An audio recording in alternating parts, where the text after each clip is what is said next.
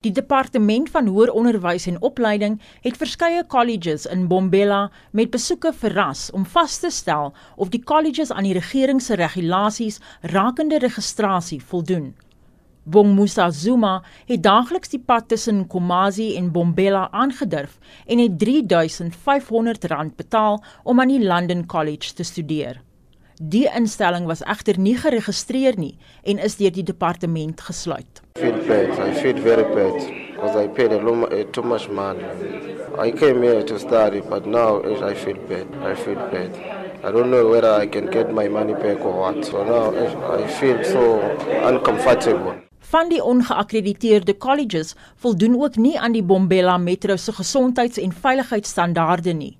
Die metro het versuim om sy ordonnansies af te dwing en te verseker dat die onderwysinstellings daaraan voldoen.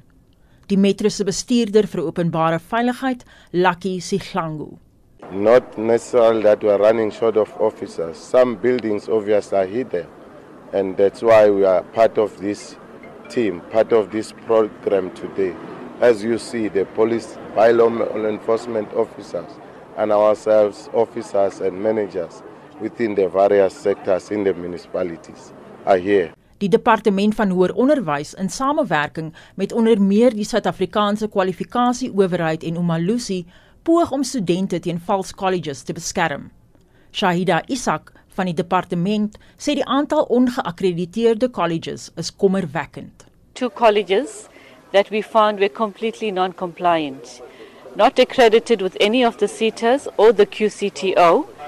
And so we basically asked them to close until their records are in order. But, but we are also trying to warn students just to check to verify a number of things before they enroll.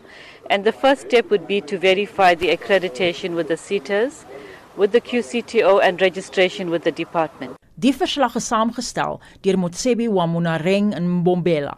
Ek is Annelien Moses vir SAK nuus.